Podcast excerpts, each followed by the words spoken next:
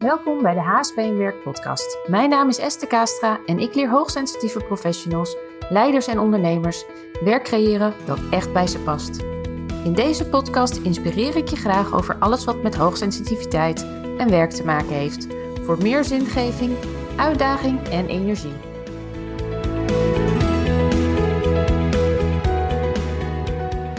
Nou, welkom bij weer een uh, nieuwe podcast van HSP en Werk. En vandaag ga ik in gesprek met Judith Siegers. En Judith Siegers is arbeidsdeskundige. En aangezien we nou, iedereen wel eens in zijn werk te maken krijgt, nou ik hoop niet iedereen, te horen krijgt over een uh, arbeidsdeskundige of ja, dat langs hoort komen, wil ik daar graag wat verder op ingaan, omdat het een beroep is, denk ik, waar nog niet iedereen wat van weet. En het is ook belangrijk dat je als hoogsensitief persoon, als professional, als ondernemer uh, daar meer over weet en uh, ook bij iemand terecht kan die ook hoogsensitief is.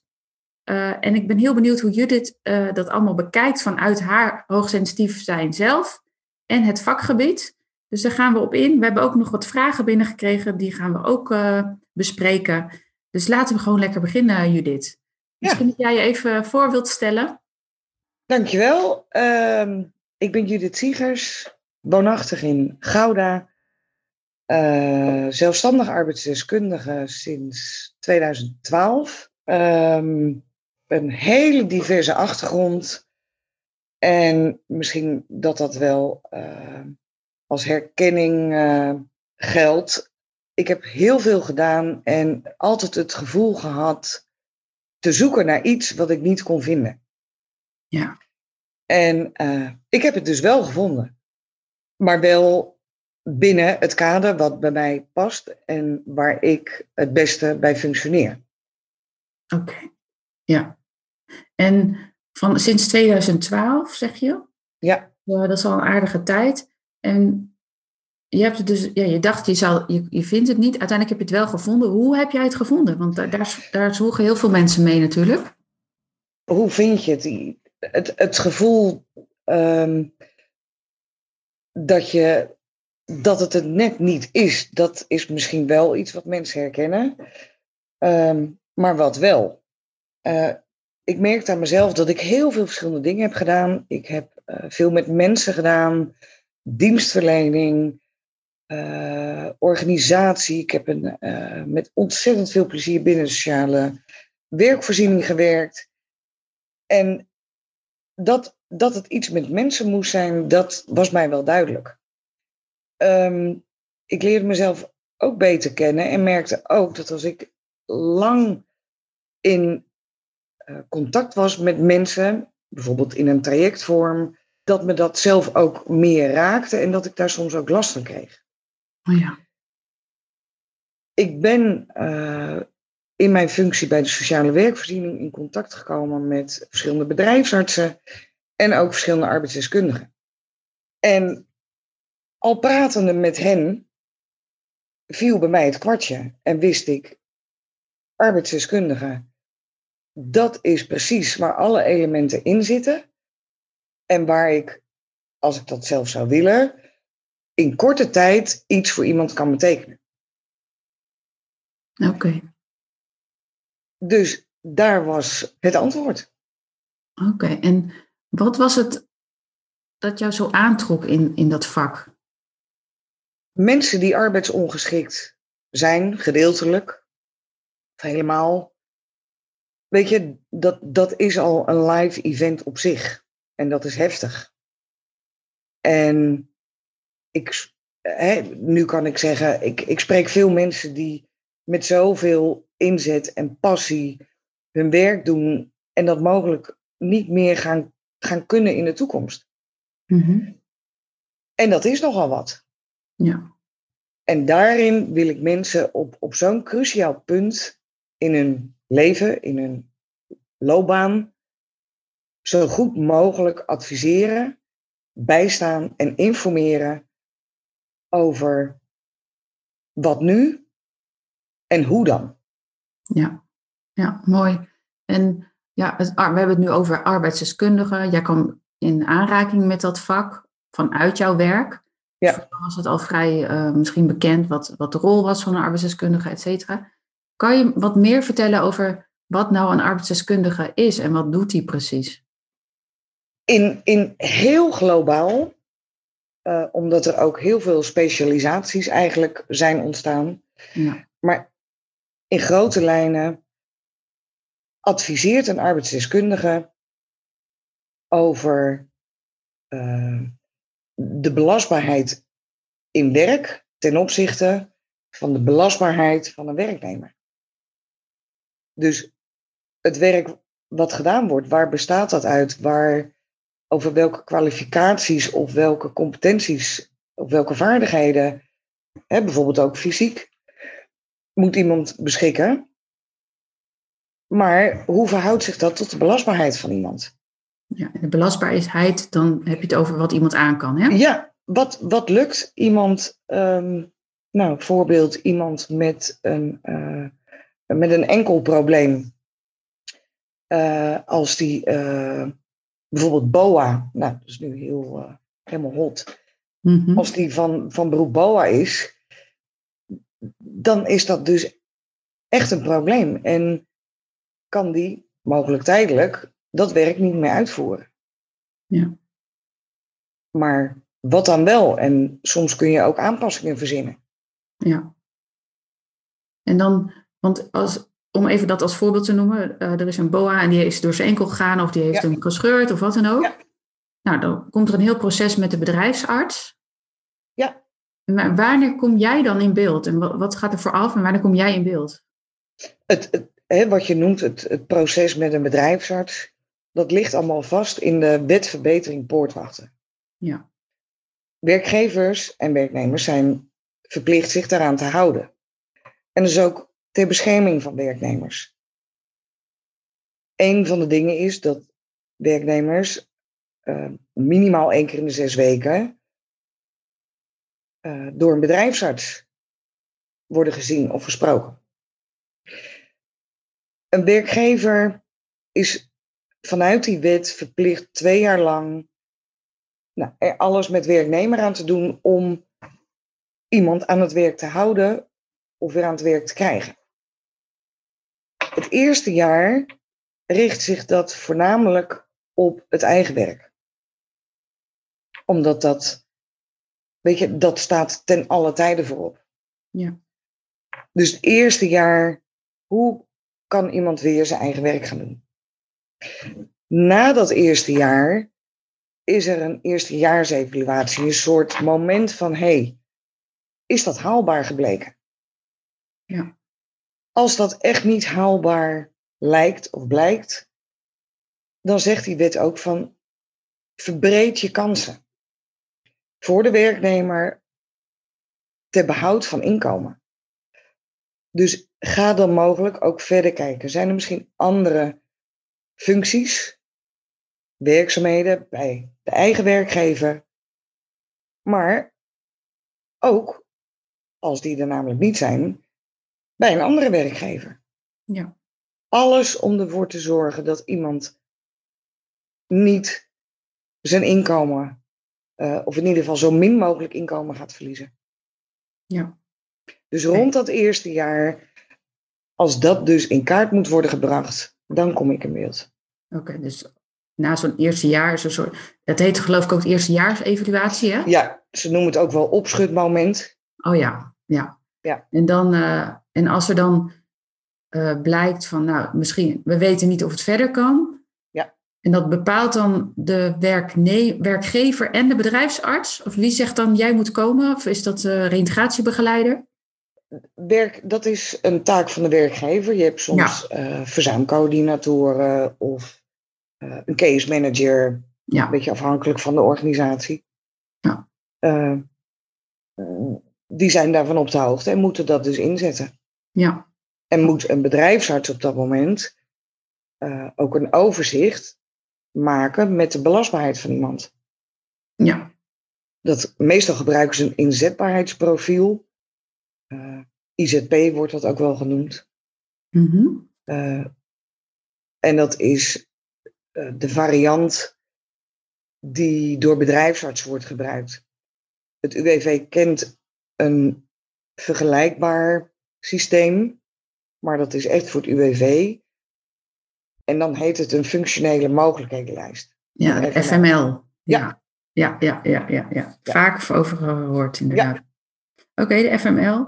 En ehm, nou ja, dan word jij eh, erbij gehaald vanuit welke constructie, dan ook, tenminste welke Ja. weg dan ook. Hè? En wat ga je dan doen? Wat ik ga doen, allereerst is voor mij belangrijk te weten wat voor organisatie is het. Wat voor werkgever, wat voor soort werkgever. Welke eh, functies komen daarvoor. Ehm, en dan uiteraard, hè, wat is het werk wat iemand tot het moment van uitval deed? Waar bestaat het uit? Ja, de belastbaarheid. Hoe is die door de bedrijfsarts eh, weergegeven? Wat is de verwachting? Wat is de prognose? Met die informatie ga ik gesprekken voeren. Ik spreek, en dan praten we even buiten corona, want dat is het mooie van mijn vak. Ik kom op locatie omdat ik wil zien hoe ziet dat werk er dan uit? Hoe wordt dat gedaan? Ja. Ik spreek leidinggevenden. Ehm, die zijn meestal hè, het meest betrokken bij de reïntegratie. Ehm, hoe gaat dat? Lukt dat al? Welke aanpassingen zijn er nodig? En hoe voorzie je de toekomst? Ja. Daarna spreek ik werknemer, werknemster. En vind ik het belangrijk eh, aandacht te besteden aan eh, hoe iemand eh, zich in deze situatie voelt. Er zijn mensen die zeggen van, nou, weet je, ik ben, eh, ik sta helemaal open, ik wil graag wat anders. En er zijn ook mensen, ja, maar ik wil helemaal niet weg. Dus dan is het belangrijk, ik vind het belangrijk om daar eerst ook aandacht aan te geven. Ja. Want emotioneel. moment- ja, ja, ja, ja. En ehm, hè, wat betekent dat? Je moet misschien afscheid nemen na 20, 25 jaar van je werkgever. Dus dat vind ik zelf enorm belangrijk. ehm, voordat we echt kunnen kijken van, wat heb je eigenlijk allemaal in je mars? Ja. Wat gaat wel goed? Ja. En hoe, hoe kunnen we dat op een voor jou eh, eh, prettige manier weer gaan inzetten? Ja. Misschien ergens anders. En dan maak je een rapportage en daar komt Ja. alles in samen. Ja, Ja. ja, dat, eh, ja dat is toch wel een. eh, het blijft een, een, een stug eh, document. Mhm. Ik probeer dat echt in, in begrijpelijke taal allemaal weer te geven. En er zijn een aantal dingen die daar gewoon in moeten staan. Ja. Eh, kan iemand zijn eigen werk nog doen? Zo ja. Nou ja, hoe, hoe ga je dat opbouwen?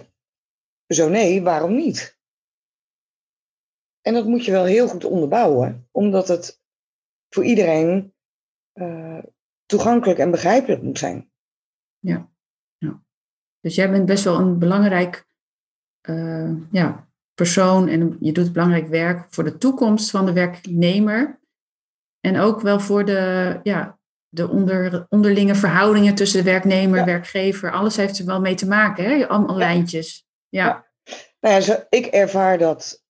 eh, ik ben me daar ontzettend van bewust. Mhm. Dat ik een, een rol speel in eh, nou, de werkzame toekomst van iemand. ja. En daar, hè, als gevolg daarvan nog veel meer. Mhm. Ehm, wat, wat, van, wat van mij echt vraagt om daar heel zorgvuldig en integer mee om te gaan. Ja, ja. En nou ja, we hebben, dit is natuurlijk de HSP en Werk podcast. Ja. En we, we zijn, wij eh, kennen elkaar via een eh, via via. Dus ik vond het heel leuk dat jij eh, sowieso op mijn pad kwam. En ik dacht, laten we hier inderdaad wat meer aandacht aan besteden voor de, de doelgroep die dit luistert. Ehm, het mooie is dat je zelf hoogsensitief bent ook en eh, nou, daar ook eh, nou ja, gevoel bij hebt. Ja. Wat is het dat, wat het anders maakt om, ehm, tenminste, ja, hoe stel ik die vraag goed? Ehm, stel iemand zegt tegen jou tijdens dat arbeidsdeskundig onderzoek, ja, ik ben hoogsensitief. Maar en, en dan? Nou, dan zal ik allereerst zeggen wat fijn, want ik snap wat je bedoelt. Ja. Ehm, dan is het heel belangrijk van wat zijn dan nog meer, buiten dat stuk van die bedrijfsarts, voor jou belangrijke dingen? Waar moet werk voor jou ehm, als omgeving aan voldoen? Ja. Want dat staat niet in zo'n belastbaarheidsprofiel. Dus dan zal ik daar extra aandacht uh, aan besteden en, en dat proberen zo goed mogelijk in kaart te brengen. Om ook het reïntegratieadvies wat ik geef, uh, met, van die punten te voorzien. Ja, ja. ja, want wat ik vaak wel zie, zie zeg maar, is dat bijvoorbeeld mensen uh, lijken overspannen, maar ze zijn bijvoorbeeld onderprikkeld, dus onder hun ja. niveau aan het werk. Dus ja. er kunnen ook allerlei klachten ja. ja. En het belastbaarheidsprofiel, dat, dan, daar bedoel je ook mee de FML dan, hè? FML, ISP, ja. ja. Ja, Kijk, daar staat natuurlijk best wel statische informatie in van de draagkracht, uh, kan boven... Tillen, dragen, ja. ja. Weet je? Wel contact met mensen, geen contact met mensen. Dus dat is best wel één op één. En dan, hoe ga je dan daarmee rekening houden? Want je hebt de wetgeving en met de Ja. persoon. Hè? Dat, is, dat is best wel schipperen. En dan heb je ook nog de werkgever die dan niet begrijpt misschien wat hoogsensitiviteit is. Ehm, ja, wat, wat- hoe, hoe ga je daarmee om? Er zit eigenlijk een schakel voor. Als je dat van jezelf weet of vermoedt, Mhm. bespreek dat met de bedrijfsarts. Ja. Een goed contact met je bedrijfsarts is essentieel in, in zo'n traject. En weet ook dat als je het misschien niet kunt vinden met je bedrijfsarts, of hè, om een andere reden dat contact eh, lastig vindt, dat je altijd een second opinion mag aanvragen. Ja, Maar daar begint het. ja. Kunnen we niet een lijstje maken met hoogsensitieve bedrijfsartsen? Ja, nou, ik, maar goed, misschien eh, dat we in een volgende eh, podcast daarop terug kunnen komen. ja. Ik ben daar wel contacten in aan het leggen. Mhm. Ehm, bij, eh, binnen specifieke arbeidsdiensten en verzuimbegeleiding. Oh, dat is heel mooi. Ja, ja want ik heb het onlangs meegemaakt dat eh, iemand zeg maar, in gesprek ging en daarover vertelde, ook een stukje hoogbegaafdheid wat aan de orde kwam. Eh, maar dat het dan toch wel gebeurt dat een bedrijfsarts dan zegt, ja, maar dat, eh, dat weet ik niet, of dat begrijp ik niet, of nou niet zo heel direct, Ja, maar dan met een omweg toch zegt van, ja, je kan gewoon aan het werk, Ja, niks aan de hand, Ja, weet je? ja. En dan voel je je niet begrepen, hè? Dus Nee. en hoe ga je dan daarmee om? Hè? Dat is super lastig. Eh, ik denk dat ehm, mensen met, met, met hooggevoeligheid daar altijd tegenaan lopen. Ja, Niet alleen bij een bedrijfsarts. dat is waar, ja. En dat helemaal uitsluiten is denk ik nog niet mogelijk. Nee. Daarvoor is er nog meer bekendheid voor nodig. Mhm. Ehm, belangrijk is dat je dan wel weet dat je contacten hebt, hè, bijvoorbeeld eh, met jou of met mij, dat je in ieder geval dat kunt eh, bespreken Ja. en advies kunt inwinnen. Ja, Want en- het, het ja. gebeurt ehm, absoluut, Ja, maar dat kunnen we niet in één keer wegnemen. nee. Nee, en ik zeg eigenlijk ook altijd van, ehm, zeg niet tegen de ander, ik ben hoogsensitief dus. Want dan leg je dus het bij de ander neer, maar die Ja. ander weet niet wat het is en wat het voor jou betekent. Dus ga je wat je zelf leren kennen en dan weten wat je nodig hebt. Dus dat je kan zeggen, ik kan niet in een kantoortuin werken, Ja. want dan raak ik, eh, komt alles op me af en dan word ik vermoeid en dan kan ik niet meer focussen en concentreren. Ja. klopt. Want dan ga je ook in die belastbaarheidsprofiel eh, termen praten. Hè? Ja. Dus eigenlijk zou je die ernaast moeten leggen. Ik besluit, Sluit aan bij de bedrijfsarts. ja, En benoem de dingen die voor jou belangrijk zijn in die termen. ja, ja. Is er ook ergens een document of iets van een belastbaarheidsprofiel, zeg maar algemeen, dat, dat ik dat Ja, nee, ze zijn allemaal hetzelfde. Oké, ja. En als je googelt op uh, functionele mogelijkhedenlijst of uh, inzetbaarheidsprofiel, ja. Dan, uh, dan vind je die. Ja, nou die ga ik sowieso inderdaad even hierbij vermelden in de in de Ja, want dan, dan weet je ook, hè, op het moment dat je daarvoor naar een bedrijfsarts gaat, ja. Um, ja, wat hij voor jou hoe hij kijkt, gaat beoordelen. Ja, hoe hij denkt, ja. Ja, want dat is het ook, hè. Een bedrijfsarts kan ook weer uh, jou wel begrijpen, maar die heeft ook weer met regels te maken. Klopt. En dat is altijd de tweestrijd waar, waar iedereen in zit, in dat hele proces. Ja, ja. Dat, dat moet echt nog uh, ja, verbeteren. Ja.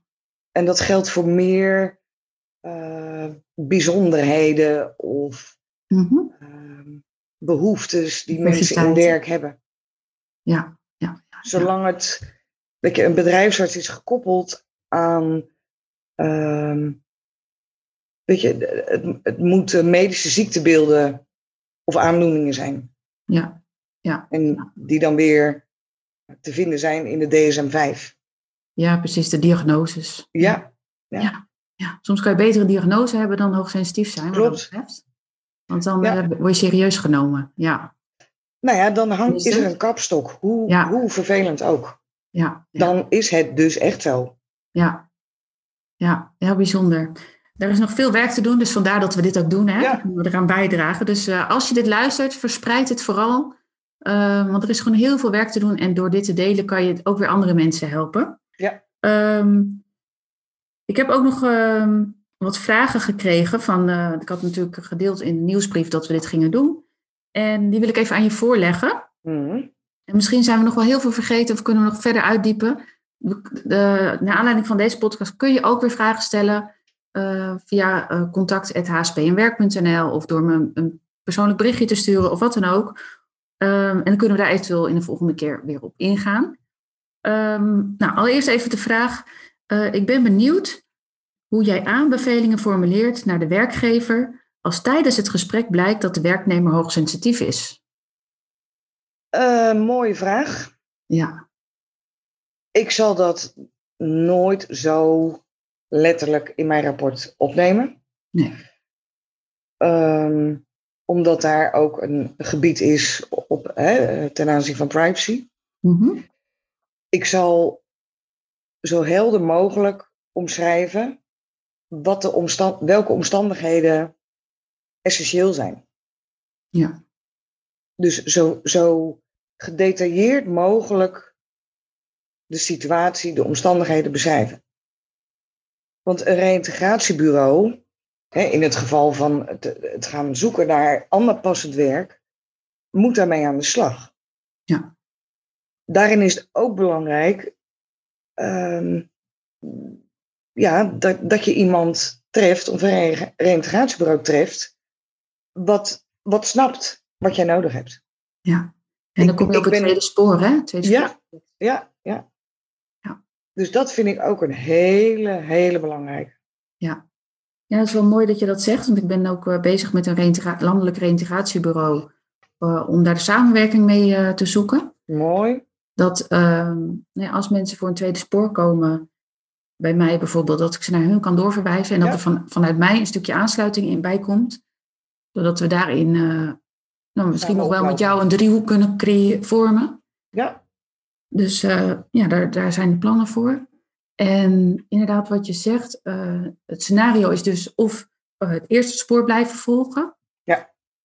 daarnaast op zoek naar ander werk. Dus eerste en tweede spoor naast elkaar. klopt. Of het eerste spoor, spoor helemaal afronden en alleen naar, naar ander werk zoeken. Hè? Dat zijn een beetje Ja. de scenario's, toch? Ja, ja, ja. Ja. ja, en daarin is inderdaad ook, want dan kom je bij, de, bij het reintegratietraject, het tweede spoortraject. En dan uh, moeten daar ook weer allemaal regeltjes zijn er weer aan de orde. Ik heb ook vaak veel, heel veel tweede spoortrajecten gedaan. En dat is ook altijd schipperen tussen wat heeft de persoon nodig, Ja. wat zijn de regels en wat is uiteindelijk het beste resultaat voor iedereen. Ja. Ja. En dat is lastig. Mhm. Ehm, we, we hebben, hè, we, iedereen die met reintegratie uh, te maken heeft. Ja. Daar hebben we mee te dealen. Maar ik, ik ben wel van mening dat je daar in je eigen, dat je wel de ruimte hebt om dat uh, voor een groot gedeelte zelf vorm te geven. Ja, ja je hebt ook een hele grote rol daarin. Ja.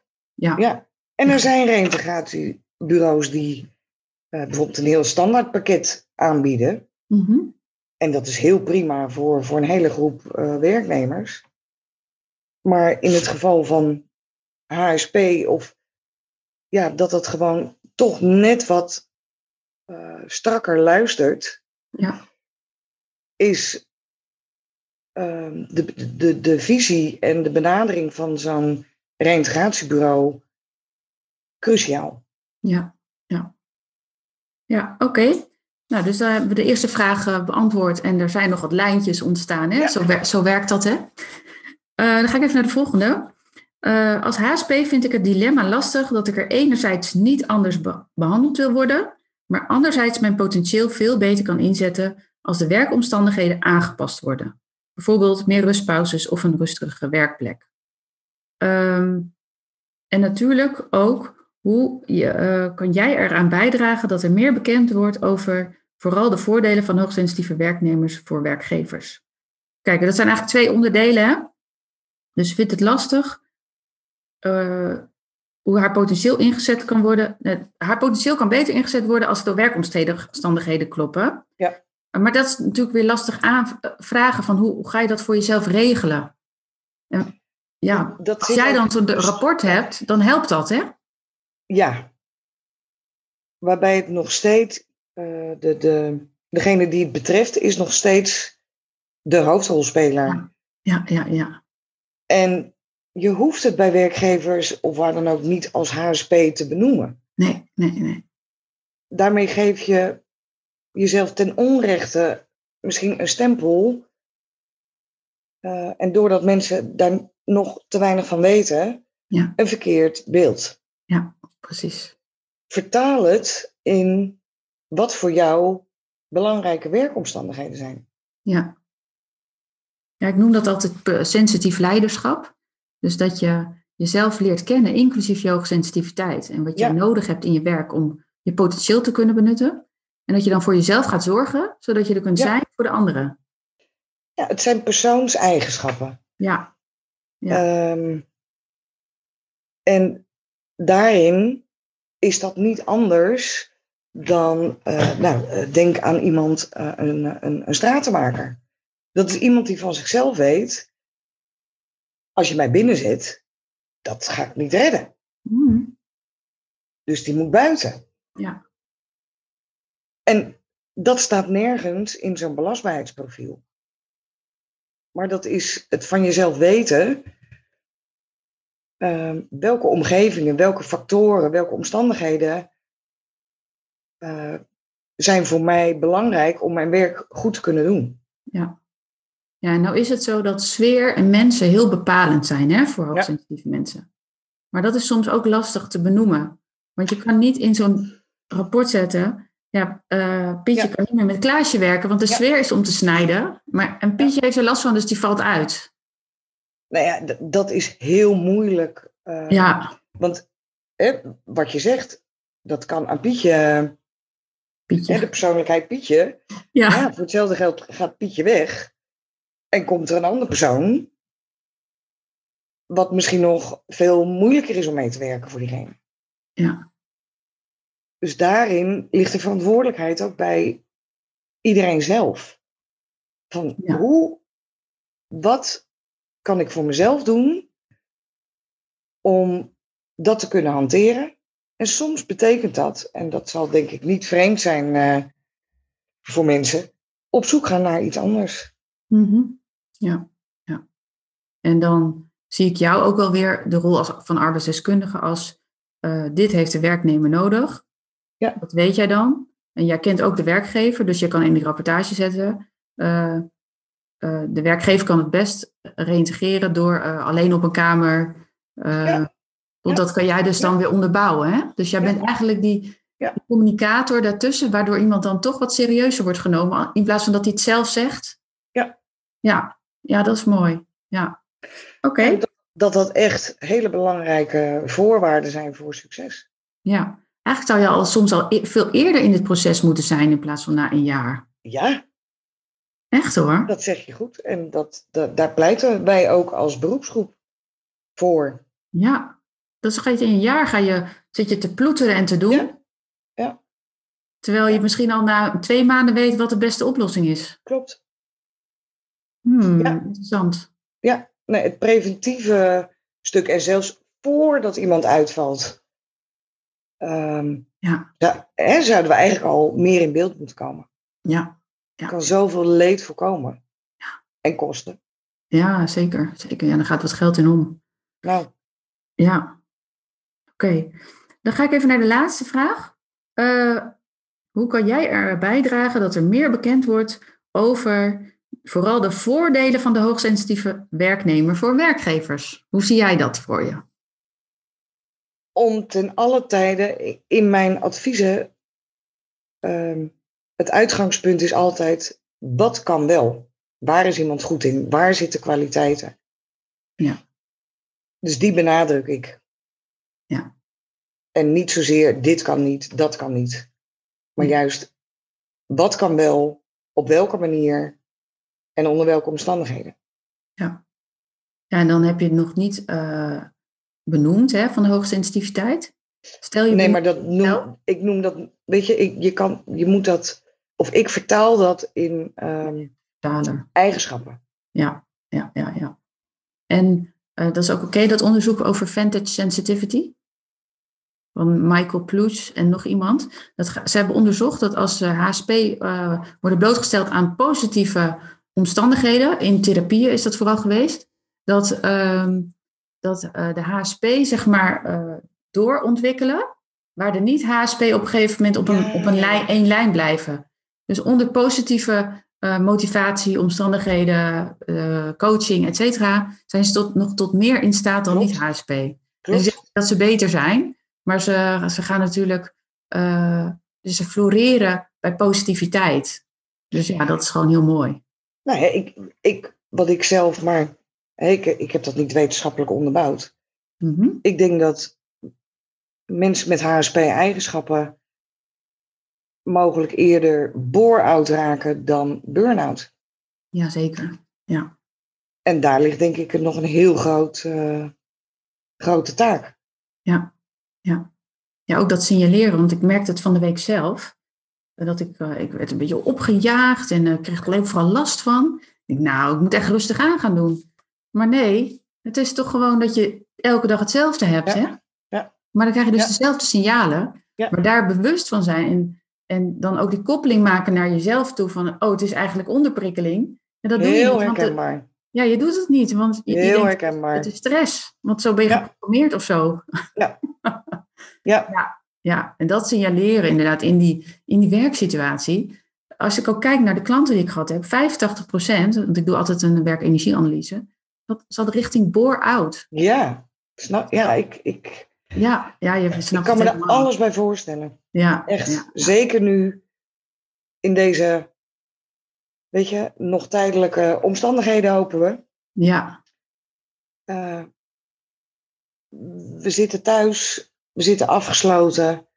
eh, we hebben ons aan restricties te houden.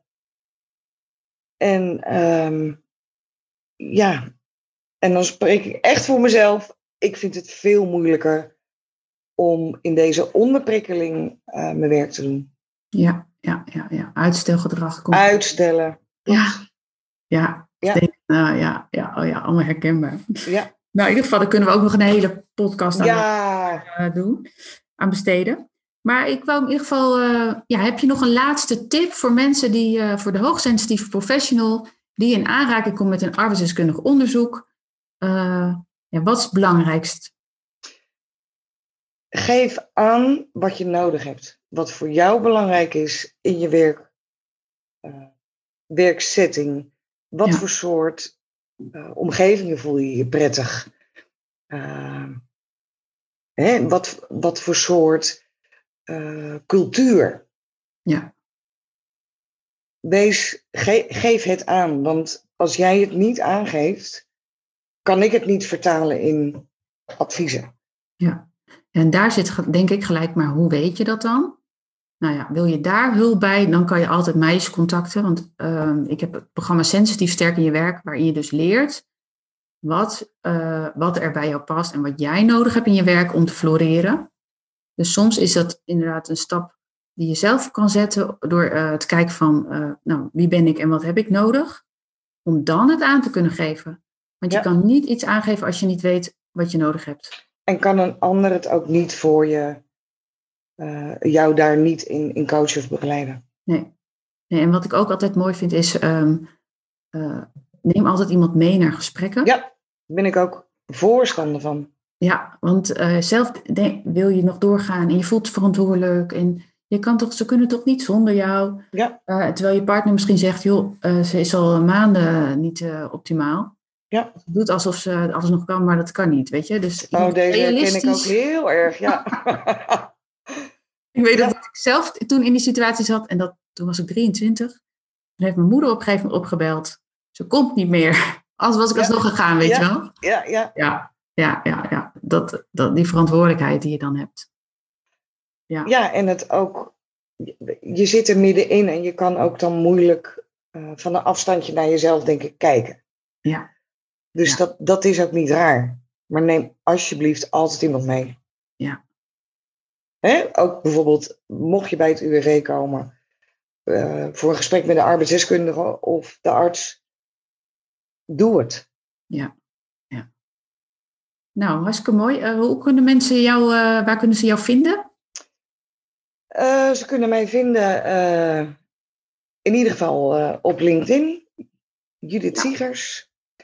En anders via mail, judith.siegersadvies.nl.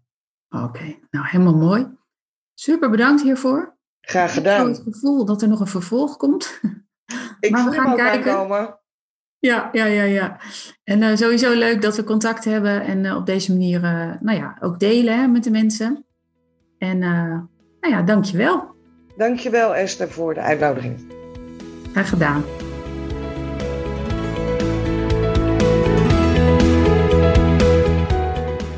Dankjewel voor het luisteren naar de HSP en Werk podcast. Wil je direct praktisch aan de slag met jouw HSP en Werk?